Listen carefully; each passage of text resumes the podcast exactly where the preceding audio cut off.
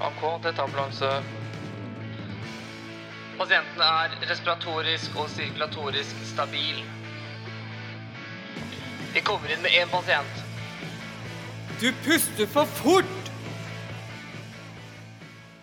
Hei, jeg heter Ole Kristian og er paramedic. Det er så utrolig mye jeg lurer på innenfor akuttmedisin. Derfor har jeg laget podkasten Du puster for fort. For å få svar på noen av de spørsmålene jeg lurer på, så er planen å invitere flere gjester som kan prate om det de er gode på. Hei! Du, det er besøk til deg her. Jeg kan jo det. Eller så kan jeg jo jeg Jeg kan jo slippe han inn. Skal han opp Jeg befinner meg nå på Høgskolen i Oslo.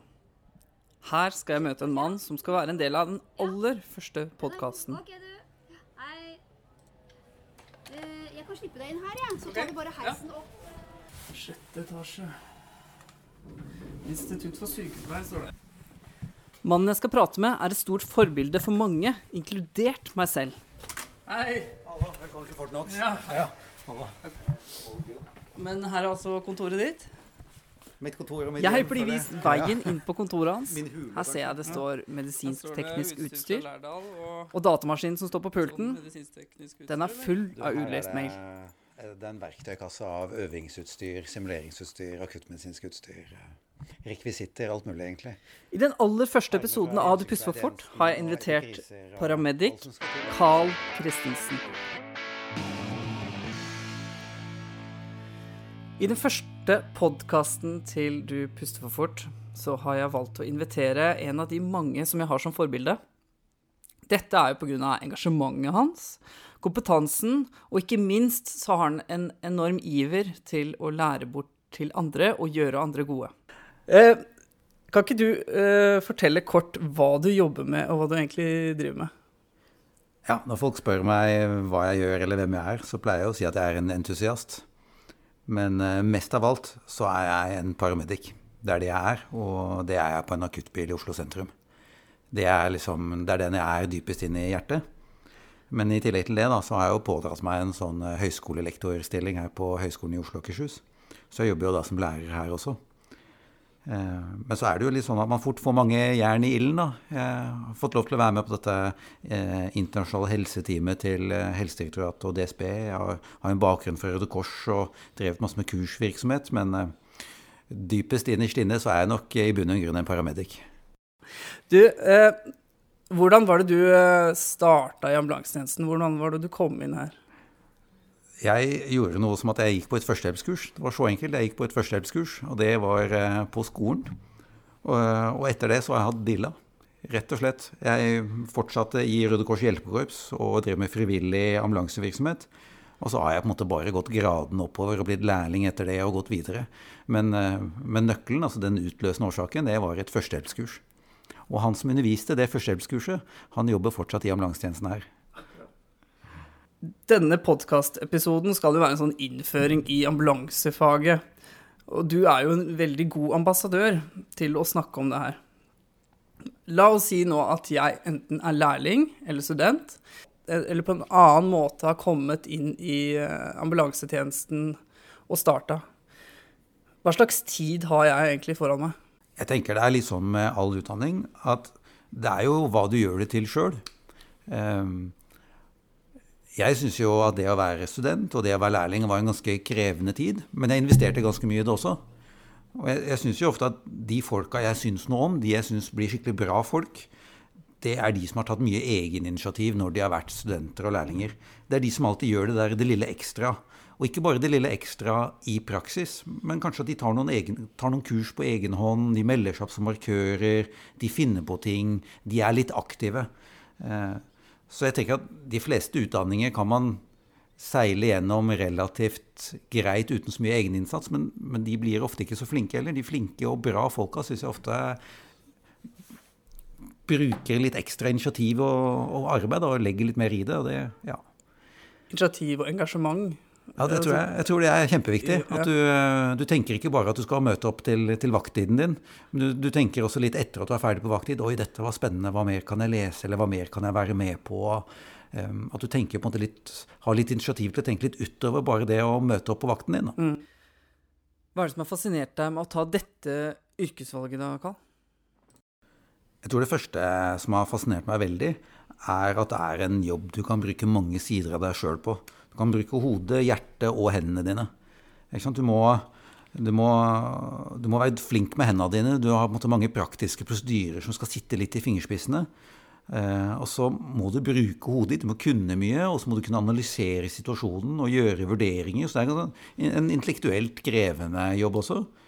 Og samtidig så skal du bruke deg sjøl som et menneske og medmenneske sammen med kollegaer, annet helsepersonell og kanskje aller mest pasienter og pårørende. At, du, at det er en sånn menneskelig side i det.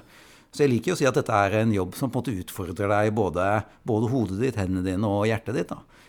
Så det, det, fascinerer meg veldig.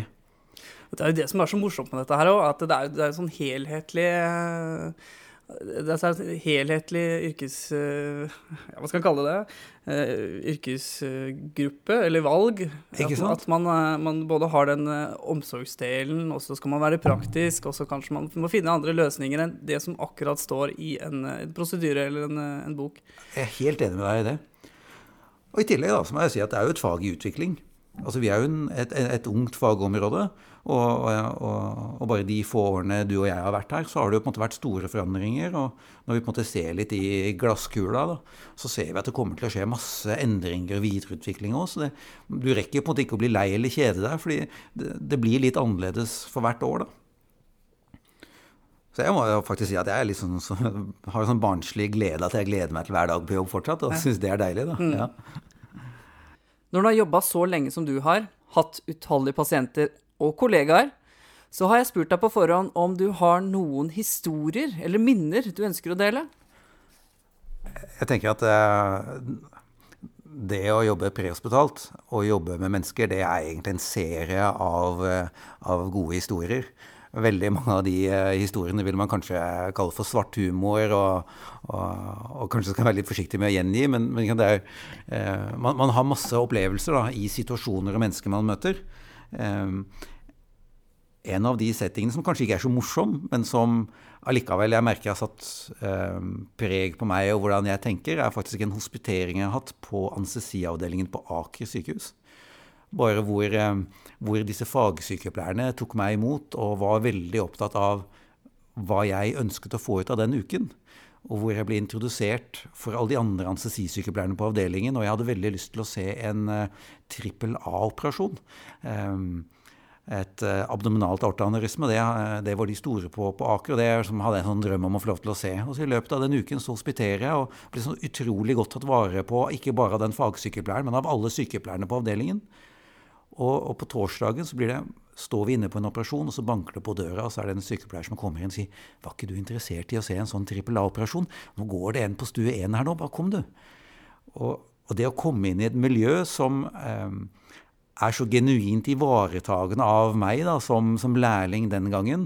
Eh, alle visste at jeg kom, alle var opptatt av hva jeg skulle få ut av den, den opplevelsen. Og de husket det gjennom hele uka. Det var en helt sånn fantastisk opplevelse. Det har, måte, det har, inspirert meg til å tenke de gangene jeg har med meg gjester eller hospitanter eller studenter eller lærling på bil, at det er utrolig godt å bli tatt vare på når du kommer et annet sted.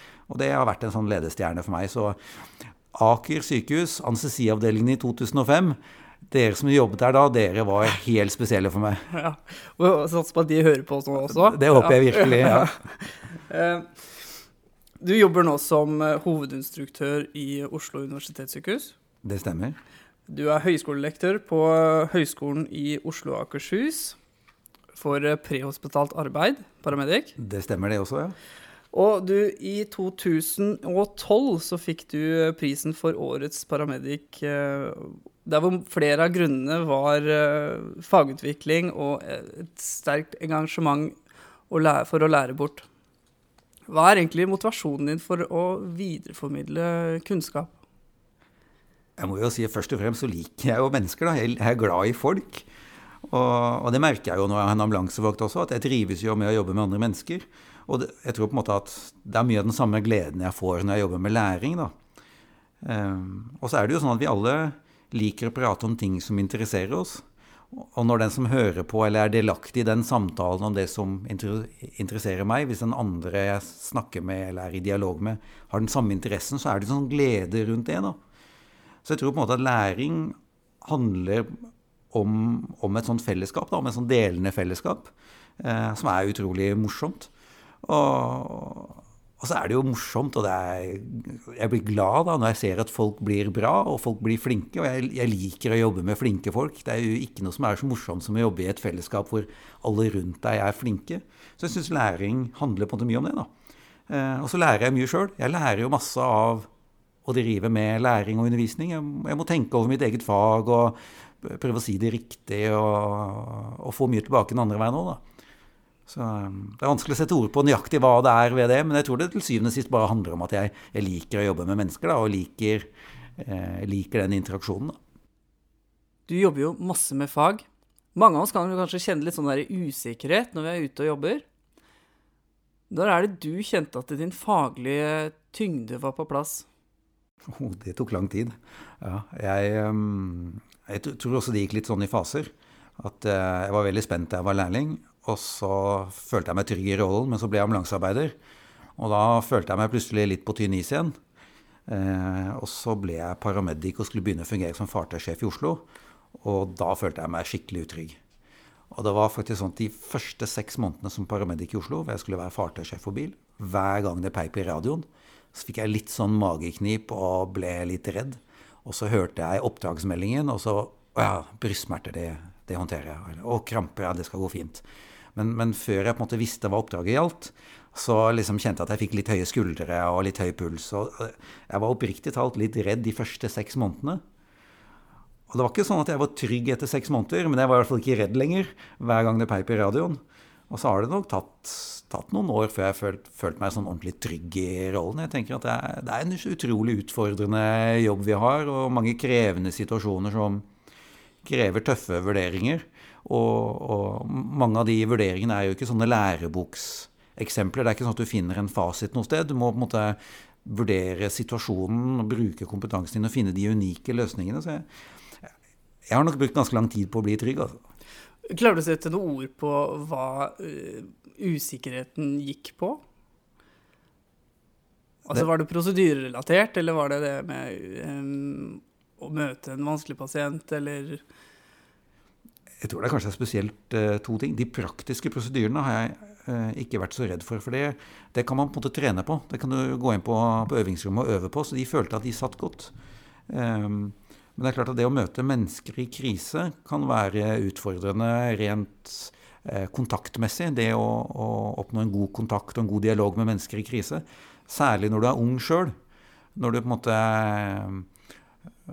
når du er i 20-årene og på en måte ikke har fullt så mye livserfaring, og så er den du møter, kanskje dobbelt så gammel som deg og har mye livserfaring, så, og, så, og, er i krise, så kjente jeg at det, det syns jeg har vært utfordrende. Og så syns jeg kanskje at de, de rent sånn medisinske vurderingene, det å gjøre de rette vurderingene var veldig utfordrende i begynnelsen. Men det praktiske, det, det syns jeg var greit. Det kunne jeg bare øve på. Du har jo jobba med masse forskjellige mennesker. Hva er det du mener gjør en ambulansearbeider eller en paramedic god? Det er et utrolig bra spørsmål. Jeg skal prøve å svare på det. Men ehm, jeg tror sånn, i bunn og grunn så må du kunne faget ditt. Det er liksom det er sånn grunnleggende premiss. Og så betyr det at skal du kunne faget ditt, så må du kunne det praktisk, men også teoretisk. Og er, For meg så er det ikke godt nok å si at ja, men jeg er en praktiker. Ja, da kan du bare halve faget ditt. Det samme som en som sier at de bare er teoretikere. Da kan du også bare halve faget ditt. Dette er jo et fag hvor du skal bruke hodet ditt, hendene dine og hjertet ditt. Så jeg tenker at det er liksom sånn grunnleggende premiss. da. Men så tenker jeg kanskje at hva er det som Når jeg møter folk som jeg syns er gode, eller som jeg selv også ser opp til, så tenker jeg at de er, de er beslutningsdyktige. De kan liksom i en situasjon si nå gjør vi det på denne måten. Og dette er grunnen min, og nå setter vi i gang. De, de tør liksom å ta en avgjørelse og forklare den planen til, til teamet sitt. da. Og så tror jeg at en, en, som er god til å jobbe prehospitalt, er flink til å jobbe med nye mennesker hele tiden på en positiv måte. For det er faktisk noe som er spesielt med jobben vår, at vi alltid skal jobbe i nye team. Om det er sykepleieren eller legen som er på vei hjem fra jobb, som du møter på gata, eller eh, legen på legevakta, eller sykepleieren i mottaket som skal ta imot, eller eh, pårørende som har begynt å gi førstehjelp til en pasient. Vi skal hele tiden jobbe i nye team, og det å kunne bygge nye team og jobbe med dem på en positiv måte så alle føler seg bra, Det tror jeg er en sånn unik egenskap som, som er viktig å måte jobbe litt med, da, som jeg tror preger de som er flinke. da. Um, så tror jeg det handler bare om å være profesjonell. Liksom det å oppføre seg ordentlig, det å skrive en leselig journal og hele tiden prøve å måte gjøre sitt beste. da. Ikke på en måte og, og, kanskje spesielt når man er sliten, at selv når man er sliten, allikevel prøve å vise det beste av seg og yrket sitt. da. Det tror jeg er, som preger, er, det er gode ambulansearbeidere i mine øyne. Ja. Gjør en like god jobb på, på natterstid klokka halv seks om morgenen når du har jobba hele natta, som du gjør på, på dagvakta klokka tolv. Ja, det er noe med det, ikke sant. At uh, selv når du føler deg på ditt dårligste, så, så er liksom ikke det noe unnskyldning da, for å gjøre en dårlig jobb. Da må man allikevel prøve å prestere litt. Da. Mm. Jeg er helt enig. Ja. Vi har jo vært gjennom mye faglig nå, uh, men så tenkte jeg hadde lyst til å spørre deg nå som du Altså, du gjør jo så mye. Uh, hvis du i 2018 ville gjort noe helt annet, sånn jobbrelatert, hva ville det vært da? Har du tenkt over det? Å, herregud, det er et utrolig vanskelig spørsmål. Uh, ja, jeg har tenkt på det, men uh, jeg tør liksom ikke helt tenke den tanken heller. For jeg er jo utrolig lykkelig der jeg er. Jeg gjør så utrolig mye spennende ting og er med på så mange artige prosjekter og møter flotte folk at jeg må innrømme at jeg vil egentlig ikke være noe annet sted, skal jeg være helt ærlig. Det er godt svar. Er det noe du vet som vi som jobber prehospitalt eh, kan se frem til? Da tenker jeg på alt av medisinsk-teknisk utstyr eller prosedyrer, forskning, utdanningsløft, eh, både nasjonalt og internasjonalt. Det er jo mye spennende som skjer, og jeg tror hvis vi ser i krystallkula, så tror jeg det er, mye, det er mye som kommer nå de neste årene. Det aller første som skjer, er jo at det er flere universiteter som starter med paramedic-utdanning på bachelornivå allerede fra nå høsten 2018. Universitetet i Tromsø starter nå, og Namsos starter også nå til høsten. Ehm, så det er liksom det første som skjer. Og så blir det jo en diskusjon nå om det skal hete paramedic eller om det skal hete paramedisiner. Og paramedisiner er jo bare et fornorsket ord av paramedic. Ehm, så det blir også en sånn spennende debatt å følge. Danskene landet på paramedisiner. Så vi får nå se, da. Men det er jo bare to ord for det samme. Så det tror jeg blir litt morsomt. Ehm, det neste som skjer nå i umiddelbar fremtid, er jo at vi skal begynne med NEWS, National Early Warning Score. Og det begynner hele Helse Sør-Øst med, inkludert ambulansetjenesten. Det kommer nok til å bli et nasjonalt løft i sånn eh, scoring av, eh, av, hvor man bruker fysiologiske parametere for å score pasienter. Og så tror jeg det blir en del sånne åpenbare ting som, som, bare kommer. Det er på en måte sånne snøballer som har begynt å rulle, og, og, som kommer overalt. Det ene er elektronisk pasientjournal. Den ligger nok noen år frem i tid, men, men det er på en måte ingen vei utenom. De prosjektene løper, ruller og vil komme. Um, og så vil sånne ting som eh, Det er en del tjenester som har intraosøs nål, og de som ikke har det, de vil få det snart. Og det vil bli nye legemidler. Det vil komme ting som ketamin eller Eh, andre ting for steinsmerter, eller um, syklokapron for de tjenester som ikke har det. Altså, så det vil nok skje en del på legemiddelsiden også. Og det vil komme i litt ulik takt, eh, avhengig av hvor man er. Det tror jeg på en måte er liksom de neste par årene. Eh, det som også er spennende, er å på en måte tenke hva skjer kanskje om tre, fire, fem år så tror jeg nok vi vil se sånne ting som ultralyd tror jeg vil bli veldig vanlig. Jeg tror stetoskopet kommer til å forsvinne etter hvert og bli erstattet av ultralyd. Jeg tror vi kommer til å få mye sånn point of care-blodprøver. Og da ikke bare CRP, men eh, kanskje troponiene for hjertet. Det ser jeg noen av danskene har begynt å gjøre. Eh, kanskje vi får noen blodprøver for hjerneslag, kanskje. Eh, laktat tror jeg vi får i bilene. Kanskje noen enkle blodgasser. Men jeg tror at vi får et, et um, repertoar av blodprøver. Det tror jeg vi kommer til å få. Og så ser jeg at det er en diskusjon om dette med sånn community care paramedic tankegang, hvor man ser at uh, ambulansetjenesten kanskje skal endre seg litt. Hvor man skal tenke litt en del av disse allmennmedisinske pasientene, vurdere disse multimorbide eldre pasientene. Skal de inn på sykehus? Kan man ha hjemmebehandling? Disse litt mer kompliserte behandlingene. Uh, så at vi får mer sånne solorespondere som skal gjøre litt mer uh, det som ofte håndteres av sånn legevaktkjøreleger og legevaktsleger i dag, det tror jeg vi i større grad kommer til å se blir et eget fagfelt. Sånn community care, paramedicine, det ser vi i mange steder i utlandet på en måte nå kommer frem som eget, en egen spesialitet. Så jeg tror det er mye spennende som skjer, både i nær fremtid og ja, oppe i horisonten. Det, og tror, det er ikke noe vei utenom. Jeg tror det er bare det er sånne snøballer som ruller. Det, det, det kommer, det. altså. Masse spennende som eh, skjer på eh, akuttmedisinfronten. Eh, Jeg vil gjerne takke deg for eh, at du tok deg tid til å komme hit og eh, prate med meg og lytterne, Carl. Eh, Og at vi fikk lov til å bli litt eh, kjent med deg.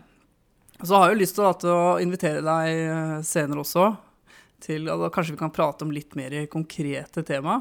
Kanskje litt fag? Jeg må jo si at det er utrolig hyggelig å få lov til å bli invitert og få lov til å være her på den aller første podkasten. Det er jo en skikkelig ære. Og så må jeg få lov til å si at eh, en podkast, en akuttmedisinsk podkast her i Norge, det har vi virkelig trengt. Så det er bare kjempekult at det kommer. Dette har jeg skikkelig trua på.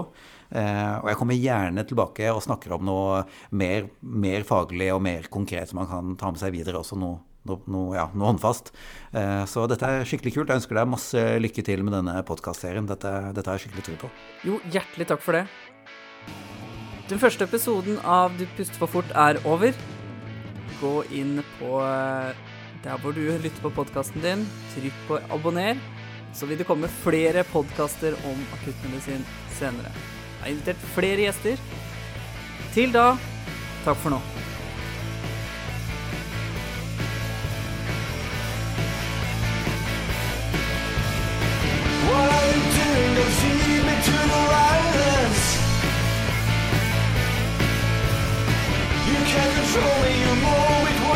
Christmas